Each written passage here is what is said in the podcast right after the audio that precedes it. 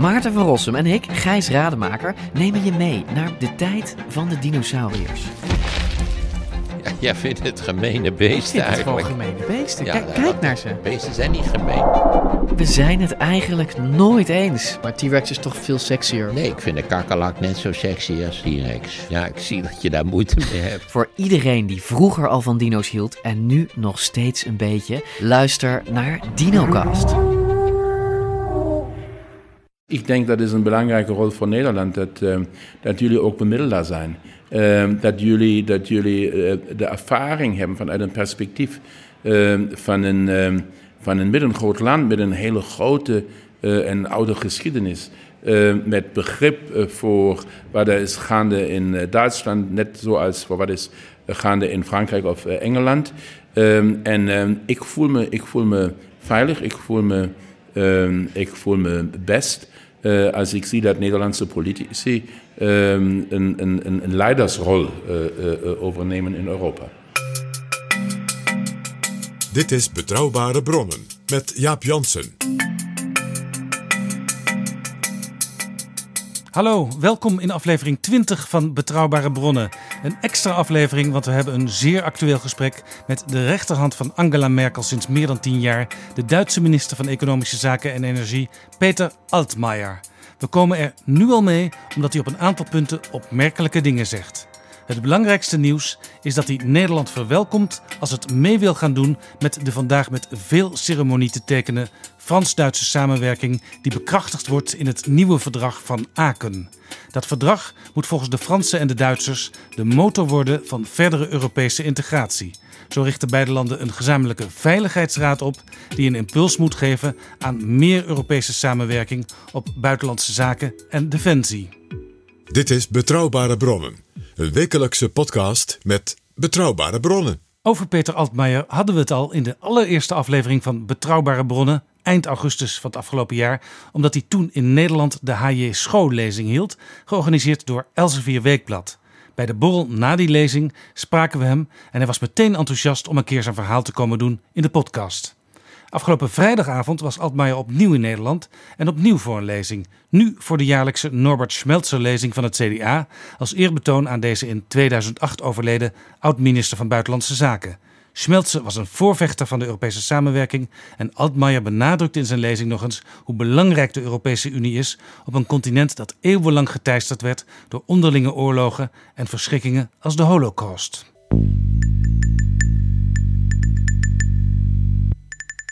En wanneer je erover nadenkt, hoeveel miljoen mensen hun eh, welvarendheid zijn kwijtgeraakt, hun gezondheid en hun leven.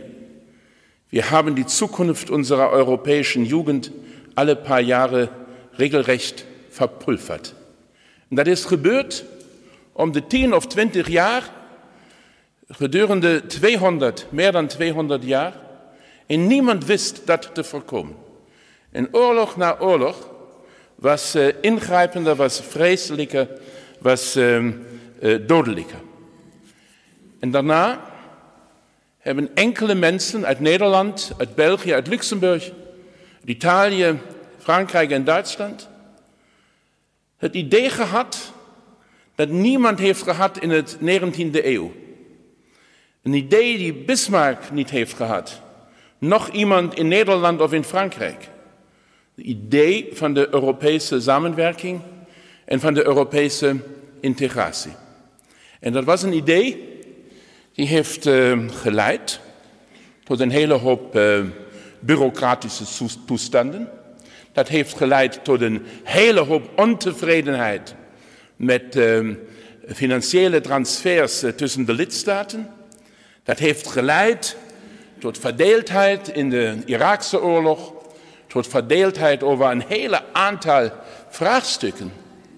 Maar het had tot gevolg dat sinds het bestaan van de Europese integratie nooit meer iemand doodgeschoten is in een oorlog tussen één, twee of meer lidstaten van de Europese Unie. En dat vind ik iets heel, iets heel, is heel iets. En um, als je mij vraagt, En ik, uh, vertel, ik zeg het altijd, ik leg het uit aan mijn landgenoten in Duitsland. Wanneer er sprake is van anti-Europese gevoelens, van uh, ontevredenheid met uh, de Europese integratie.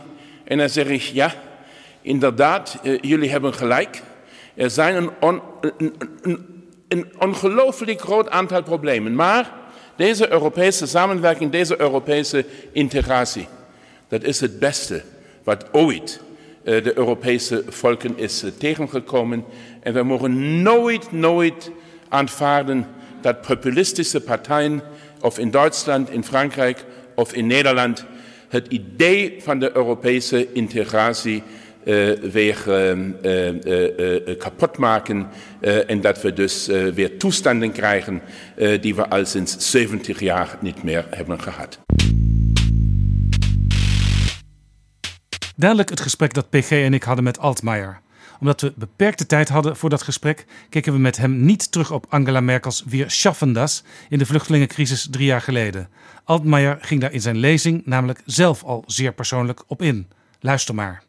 En ik weet heel goed dat uh, de beslissingen die wij in Duitsland hebben genomen uh, in het jaar 2015, in het najaar, begin september, voor heel veel mensen in Europa heel moeilijk zijn geweest om te verteren.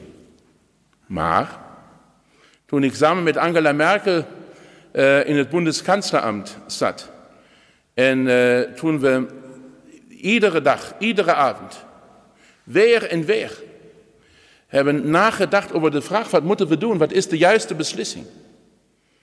In een situatie waar iedere dag honderden van illegalen naar München zijn gekomen met de trein, met de auto, äh, op een illegale manier.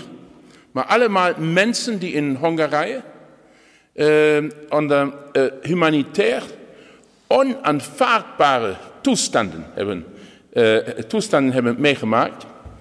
Toen was de vraag, wat doen we nu? Zullen we zeggen, wij gaan de Duitse grens met Oostenrijk sluiten? En dan moeten de Oostenrijkers uh, proberen het probleem uh, op te knappen. En dan gaan de Oostenrijkers de grens sluiten. En dan moet Slovenië proberen om het probleem uh, op te lossen. Of Kroatië, of Macedonië, of Griekenland. Of is het een uitdaging voor iedereen in Europa?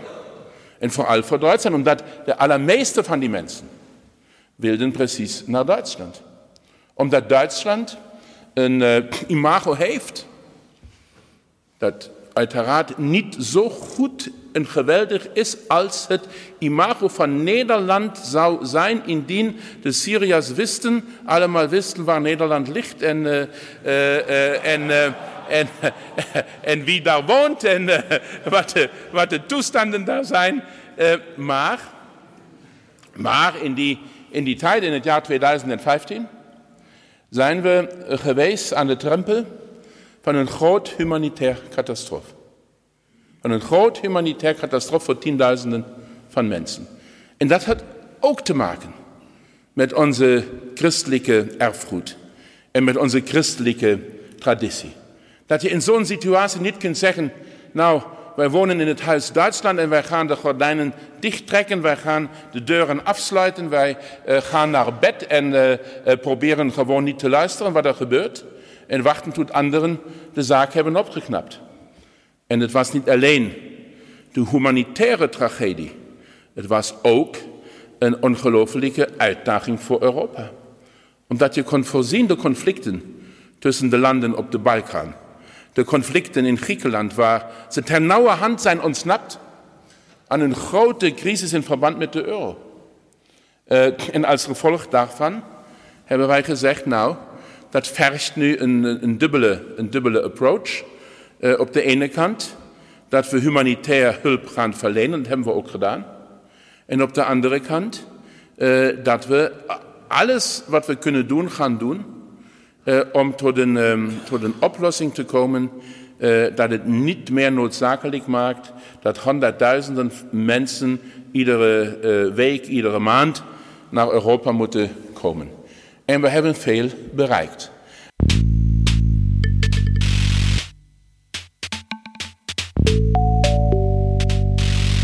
Dit is Betrouwbare Bronnen.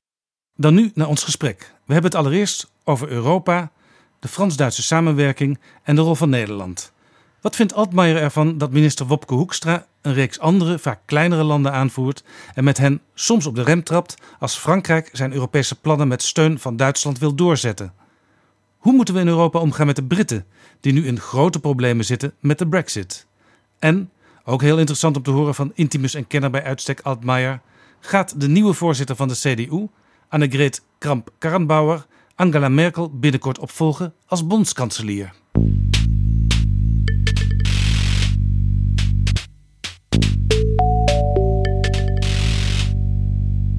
Hij wordt de machtigste man van Berlijn genoemd en hij heeft altijd het oor van bondskanselier Angela Merkel.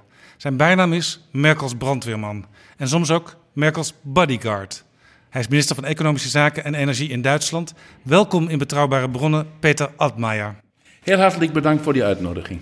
Vindt u het goed als we dit gesprek in het Nederlands voeren? Nou, ik probeer me te redden. Uh, ik weet dat, uh, dat de luisteraars mijn Engels of mijn Duits uh, veel beter zouden kunnen verstaan. Maar uh, ik voel het uh, altijd, uh, altijd belangrijk dat men probeert ook om, om in, in een ander taal te verwoorden. Wat men denkt. En ik heb um, enkele jaren in Brussel gewerkt als ambtenaar van de Europese Commissie voor een Nederlandse directeur, voor een Nederlandse chef d'unité. Um, en ik heb um, in de jaren 80 on, ongelooflijk veel vrienden gehad in Nederland. Dus uh, indien u mij verstaat, uh, verstaan enkele van de luisteraars mij misschien ook. Heel graag. Dit wordt een belangrijk jaar voor Europa. Europa staat voor reusachtige uitdagingen.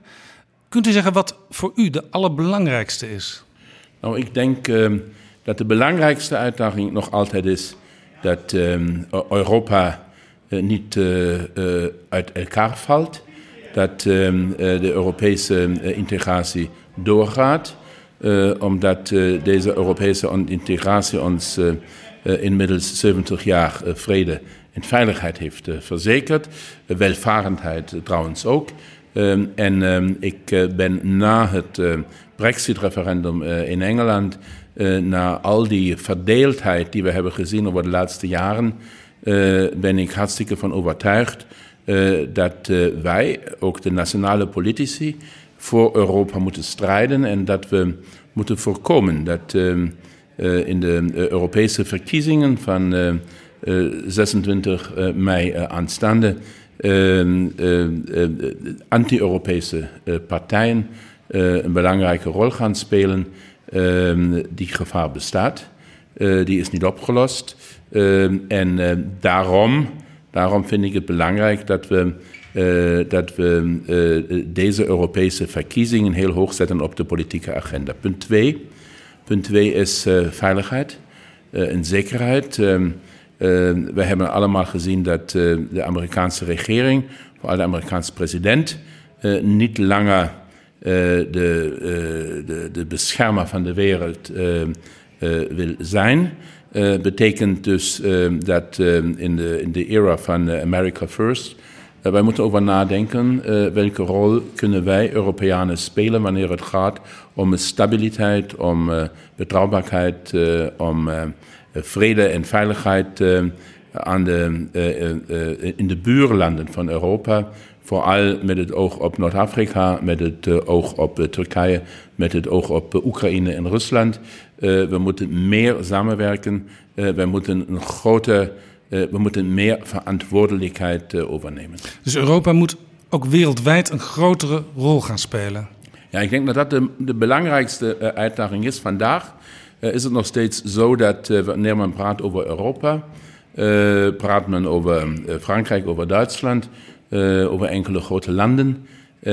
maar ehm, voor, de, voor de verdere ontwikkeling van Europa is het belangrijk dat niet de vertegenwoordiger van het grootste land maar diegene die het best presteert, belangrijke functies gaat vervullen, dat we een Europees politiek debat gaan organiseren waar politici uit Nederland of, ehm, of Portugal of Oostenrijk uitleggen aan luisteraars in Finland, Denemarken of Italië wat hun positie is, wat ze voorstellen. Dat is, ik denk, de, de logische volgende stap van Europese integratie. Dat, dat wordt ook vaak gezegd door critici van Europa of door eurosceptici. Ja, er is eigenlijk geen Europese demos. Dus zo'n Europees debat wat u wil, kan dat, kan dat er eigenlijk wel echt komen? Nou, ik denk, ik denk allereerst uh, dat, we, dat we blij mogen zijn dat die Nederlandse demos, die Duitse demos nog steeds bestaat. Uh, in de jaren 50 en 60 hebben heel veel mensen uh, ervoor gepleit om de nationale demos te vervangen door een Europese demos. Ik denk dat dat vandaag uh, niet nodig of, of, vereist is, maar dat we moeten proberen door de samenwerking van mensen uit verschillende culturele kringen, uit mensen uit verschillende landen, dat we zoiets als een aanvullend Europese identiteit moeten gaan creëren. Het is aanvullend en dat zou het mogelijk maken dat de nationale identiteit niet verzwakt wordt, maar sterker groeit. Uh, dat is de doelstelling en ik denk dat is bereikbaar. Dus er is een belangrijke rol ook voor kleinere landen in Europa, zegt u hierin. Nu tekenen bondskanselier Merkel en de Franse president Macron het verdrag van Aken. Eh, onderdeel daarvan is een Frans-Duitse veiligheidsraad. Daar zie ik Nederland nu nog niet in functioneren. Dat klopt. Uh, de relatie uh, en verstandhouding uh, tussen Frankrijk en Duitsland is altijd uniek geweest. Dat heeft te maken met de vreselijke oorlogen die hebben plaatsgevonden tussen die twee landen. en daarom moeten we altijd proberen om die samenwerking in staat te houden. Maar ik heb heel veel Nederlandse vrienden van, uit de jaren 80 en 90 en die hebben nooit gewacht uh, op een uitnodiging door Frankrijk en uh, Duitsland. Die hebben gewoon gezegd: Nou, wij hebben een idee. Uh, wij willen ook meespelen in de zandkast. en dat heeft uitstekend, uitstekende resultaten gehad. En dat is, ik denk, dat is een belangrijke rol voor Nederland, dat, dat jullie ook bemiddelaar zijn. dat jullie, dat jullie de ervaring hebben vanuit een perspectief van een van een middengroot land met een hele grote uh, en oude geschiedenis. Uh, met begrip uh, voor wat er is gaande in Duitsland, net zoals voor wat is gaande in Frankrijk of Engeland. Um, en um, ik, voel me, ik voel me veilig, ik voel me, um, ik voel me best als ik zie dat Nederlandse politici een, een, een, een leidersrol overnemen in Europa. Als onze minister, uw partijgenote Anke Bijleveld van Defensie. Als die zou zeggen tegen de Duitse en de Franse regering: wij zouden mee willen doen met de kennis van Nederland, met ook onze veiligheidsverantwoordelijkheden, dan zegt u: doe maar mee. Nou, ik denk dat uh, wij, hebben, uh, wij hebben een uh, gezamenlijk legerkoor met Frankrijk en we hebben een gezamenlijk legerkoor met Nederland. dus dat is een belangrijke, belangrijke bijdrage. Uh, en ik denk dat het uh, niet aan mijn kant is om uh, aanbevelingen te geven aan Nederlandse collega's en politici. Maar wanneer zo'n zo'n zo'n voorstel wordt gedaan, dan ben ik hartstikke van overtuigd dat we daar heel grondig uh, zullen over nadenken. Dus Nederland is van harte welkom als Nederland zich bijvoorbeeld bij zo'n veiligheidsraad zou willen aansluiten? Nou, Nederland, uh, Nederland is altijd uh, welkom wanneer het gaat om de Europese samenwerking. Um, de, um, de, de, de, exclusiviteit van de Duits-Franse samenwerking was altijd heel belangrijk, ook uh, vanuit een Frans perspectief. Uh, dus dat is een punt waarover ik in de hoedanigheid van Duitser niet eenzijdig zou kunnen beslissen. Maar ik ben hartstikke van overtuigd dat, uh, dat Emmanuel Macron de, de meest Europese Franse president is die we de laatste jaren hebben gehad. en dus wanneer Nederland zo'n idee heeft, aan mij zal het niet liggen. Waarom is zo'n veiligheidsraad eigenlijk nodig? We hebben toch al de NAVO? Nou, wij hebben de NAVO en we hebben een, we hebben een, een, een maar groeiende Ehm, maar groeiende ehm, eh, samenwerking eh, tussen de lidstaten van de Europese Unie op dit vlak. Eh, tegelijkertijd zetelt Frankrijk nog altijd in de Veiligheidsraad van de Verenigde Naties. tegelijkertijd, tegelijkertijd heeft Frankrijk een, een, een heel langdurige ervaring, een jarenlange ervaring met het oog op Afrikaanse landen. waar het gaat om de beperking en bestrijding van illegale migratie. En dat maakt het heel belangrijk dat een land als Duitsland, dat geen permanente, maar een tijdelijke zetel heeft in de Veiligheidsraad van de Verenigde Naties. Dat we dus met elkaar praten wanneer het gaat om posities op internationaal vlak. Frankrijk en Duitsland zijn lid van de G7, ze zijn lid van de G20. Um, en dat betekent dat er ook een noodzakelijkheid bestaat om daarover te praten. Maar nog een keer, ik vind het belangrijk dat Nederland niet geïntroverteerd, maar geëxtroverteerd buitenlands beleid voert. Eh, en eh, misschien, eh, ik, heb een, ik heb een persoonlijke uitstekende verstandhouding met Wopke Hoekstra, minister van Financiën. Ik heb een goede samenwerking met Erik Wiebes, met Kaya Ollenkrein, met, met heel veel collega's in de Nederlandse regering. Uh, en uh, wanneer iemand wenst uh, over dergelijke vraagstukken te praten, dan ben ik altijd, sta ik altijd daarvoor klaar. U kijkt altijd in eerste instantie en soms ook vaak ook in laatste instantie naar Frankrijk voor grote beslissingen.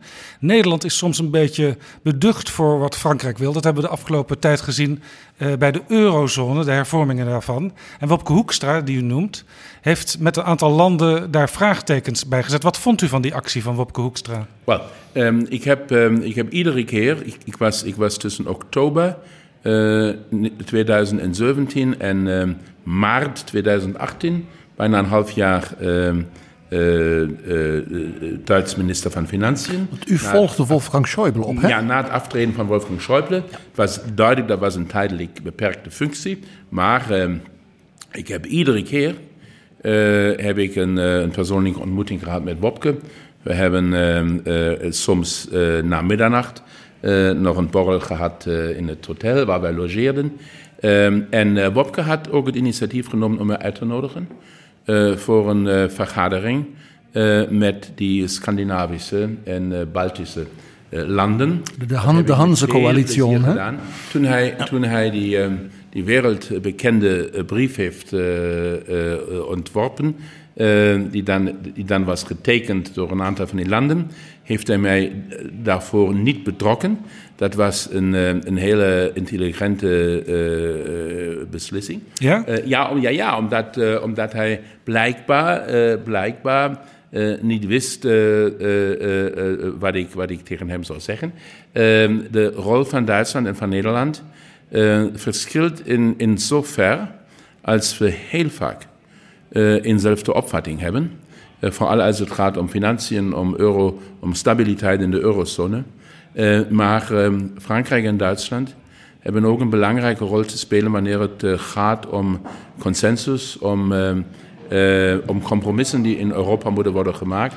En ik weet dat um, de, de, Frans-Duitse samenwerking niet altijd populair is in andere Europese buurlanden. Maar zonder die samenwerking is het heel erg moeilijk om de verdeeldheid in Europa te overkomen. En daarom vond ik het een goed idee.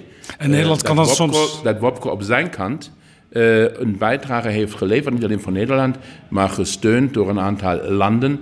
En dat was heel nuttig om uiteindelijk een compromis te bereiken uh, die nu ook uh, de, de, de, de, de goede kant uh, wijst. Dit is Betrouwbare Bronnen.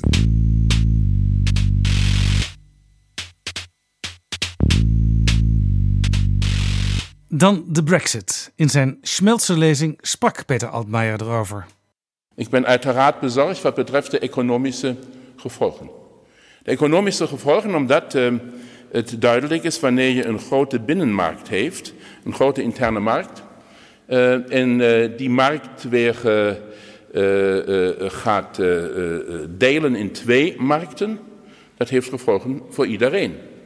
Ik had een ontmoeting, een, een vergadering, een bij, bijeenkomst met Boris Johnson toen hij nog minister van Buitenlandse Zaken was. Ik was toen nog hoofd van het Bundeskanzleramt. En hij zei, Pieter, let's make a win-win situation out of this mess. En then my, my, then, en, en, en ik heb geantwoord en ik zei, nou Boris, ik weet niet hoe dat zou kunnen. Neem een, een echtpaar. Ze zijn gehuwd en voor 40 jaar.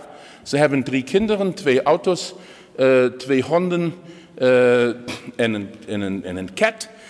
en ze gaan scheiden na, na, na, na 40 jaar. dan kan ik me niet voorstellen, in Gods naam, hoe dat een win-win situatie zou kunnen zijn voor uh, iedereen. Dat is een win-win situatie uh, voor de scheidingsadvocaten, misschien maar voor, voor, niemand, voor niemand anders.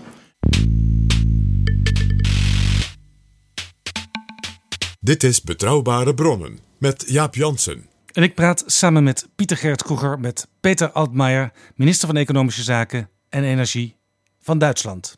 In de Times stond een vlammende brief van de Duitse partijvoorzitters met bijna als smeekbede aan de Britten: blijf bij ons. Was dat een brief naar uw hart? Nou, ik heb uh, de laatste weken uh, heen en weer uh, per Twitter ook naar Engeland de hoogachting geuit voor de Britten, voor uh, voor al die mensen die, uh, die, die nu uh, voor Europa werken en willen dat, dat, dat, Engeland in Europa blijft.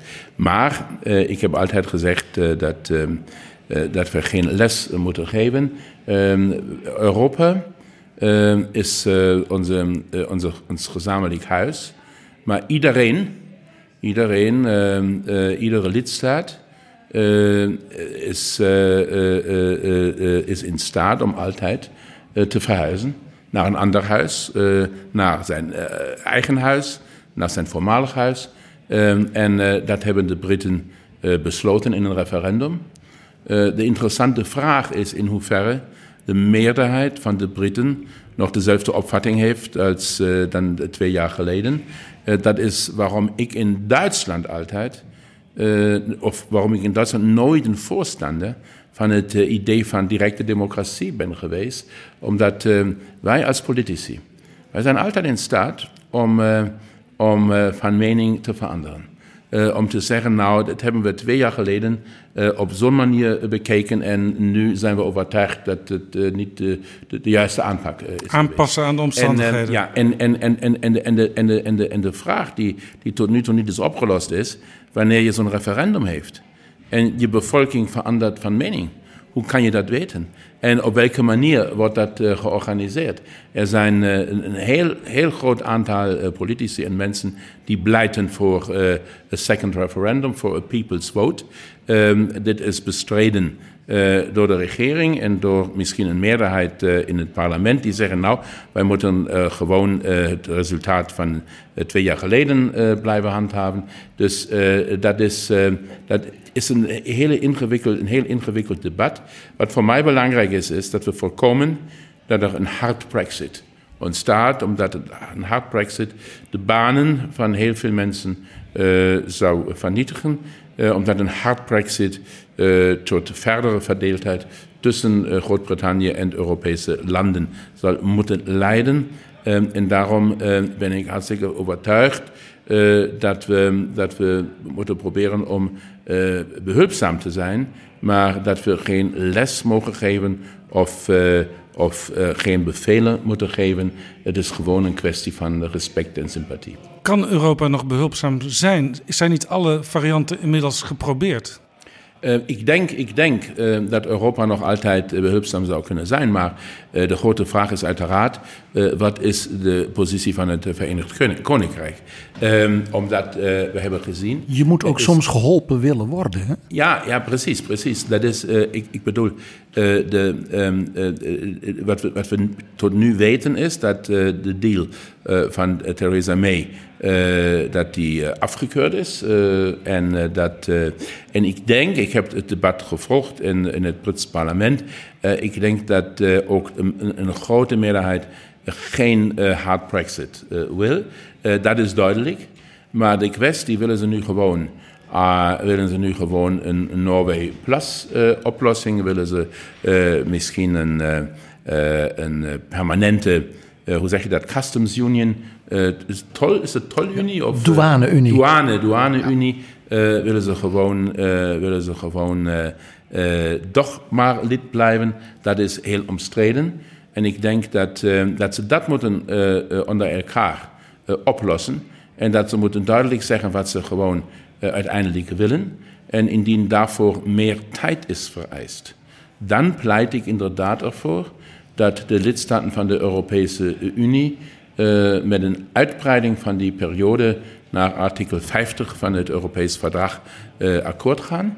Uh, omdat dat misschien zou kunnen, zou kunnen een belangrijk positief signaal zijn dat we behulpzaam zijn indien het gewenst is. Hoe lang mag die periode duren, die extra nou, periode? Het staat mij niet toe om daar een voorstel te doen. Uh, stap nummer één is dat nu uh, Theresa May verplicht is om concrete voorstellen op, tafel te leggen. Stap nummer twee is dat hij dan een debat heeft in het Britse parlement. en stap nummer drie is dat, um, dat na het einde van het debat de, de, landen van de Europese Unie gezamenlijk een conclusie moeten trekken. ik ben dolblij dat Europa in al die Brexit-onderhandelingen nooit verdeeld is geweest.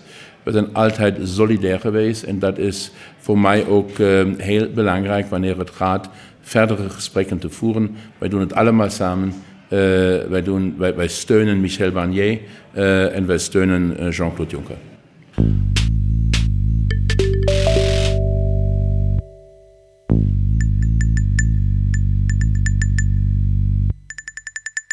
Peter Altmaier heeft een boeiende achtergrond. Hij komt uit Saarland, een kleine deelstaat van maar 1 miljoen inwoners aan de grens met Luxemburg en Frankrijk. Zijn heimaat blijkt een enorme rol te spelen in de Duitse politiek. Uh, als ik de namenlijst zo eens even langs ga. Oscar Lafontaine, Erich Honecker, AKK, Peter Altmaier en dan ook nog uitstekende Rieslingwijnen. Wat is het geheim van Saarland? Nou, het geheim van Saarland is, denk ik, dat het een klein landje is. Um, en dat heeft, uh, heeft tot gevolg dat je, dat je machtig bent. Niet in de hoedanigheid uh, van een klein landje, maar dat je gezag heeft. alleen maar wanneer je een beetje bekwaam, soepel en, en sympathiek bent. Dat, dat je gewoon weet dat, hoe belangrijk het is om bondgenoten te hebben, om partners te hebben. Dat is in Saarland altijd al zo geweest. wij zijn het buurland van Luxemburg en van Frankrijk. een groot en een klein buurland. en ik denk dat dat, ook een, goede verklaring is. bijvoorbeeld Annegret Annegret Ze, is, ze was tien, bijna tien jaar minister-president in Saarland. Maar ze is gekozen partijvoorzitter van CDU, uh, omdat ze een hele integratieve rol heeft gespeeld. Uh, en dat is, wanneer je uit een klein landje komt als Saarland, is dat levensnoodzakelijk. dat je in staat bent om compromissen te bedenken en om met grote buurlanden een goede verstandhouding te beoefenen. Dus dat zit in het DNA van elke Saarländer. Het zit in het DNA van elke Saarländer. En wat heel belangrijk is, ik zelf heb mijn allereerste ervaringen met, met Nederland opgedaan in het jaar 1981. Naar aanleiding van een studieweek tussen CDJA Limburg en Jonge Union Saarland. Het volgende jaar is die studieweek doorgegaan in Saarland. en toen was Annegret al aanwezig. Uh, ze was lid van de jongerenorganisatie, net als ik. En sindsdien kennen wij elkaar. En ik heb haar uiteraard ook gesteund in verband met onze partijcongres in december. Is AKK ook de volgende bondskanselier? ik denk dat, dat vandaag niemand kan weten, maar het is traditioneel zo geweest dat de partijvoorzitter recht heeft om, om een voorstel te doen. Toen Helmut Kohl bondskanselier was, was dat altijd Helmut Kohl. Dat voorstel dat hij heeft gedaan, op één uitzondering na, toen hij Frans Josef Strauss niet kon voorkomen. en toen had hij Ernst Albrecht voorgesteld. Um, en ik denk dat, dat haar populariteit die ze nu vandaag heeft in Duitsland. Ze is nummer twee na Angela Merkel op de lijst. Um, en dat, um, dat, dat, deze populariteit voor haar uh, een, een, belangrijk, een belangrijk argument is dat voor haar beleid. Maar uh, dat, weten we, dat weten we pas later. Belangrijk is dat er vorige week een peiling is geweest van Duitsland Trend en dat over de, most, de meest populaire politici in Duitsland. Het was een lijst van 13 mensen. en uh, er zijn vier politici uit Saarland geweest op de eerste vijf plaatsen. Uh, op de eerste zes plaatsen. Dus dat was Annegret, nummer twee. Ik was nummer vier. Heiko Maas, minister Buitenlandse Zaken, komt ook uit Saarland. En zelfs Sarah Wagenknecht is inmiddels getrouwd met Oscar Lafontaine. Dus uh, is, is heel duidelijk dat, dat in Saarland belangrijke dingen gebeuren. U maakt zelfs van mevrouw Wagenknecht een soort adoptief Saarländerin. Dat is, dat, is, dat is onze mentaliteit. Omdat we heel trots zijn wanneer iemand uit Saarland in Berlijn carrière maakt.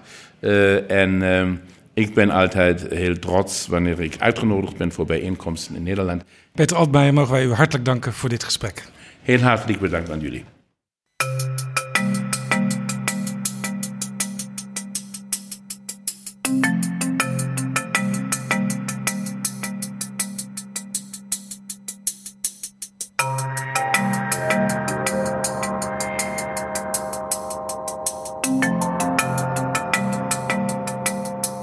Zo, dit was aflevering 20 van Betrouwbare Bronnen.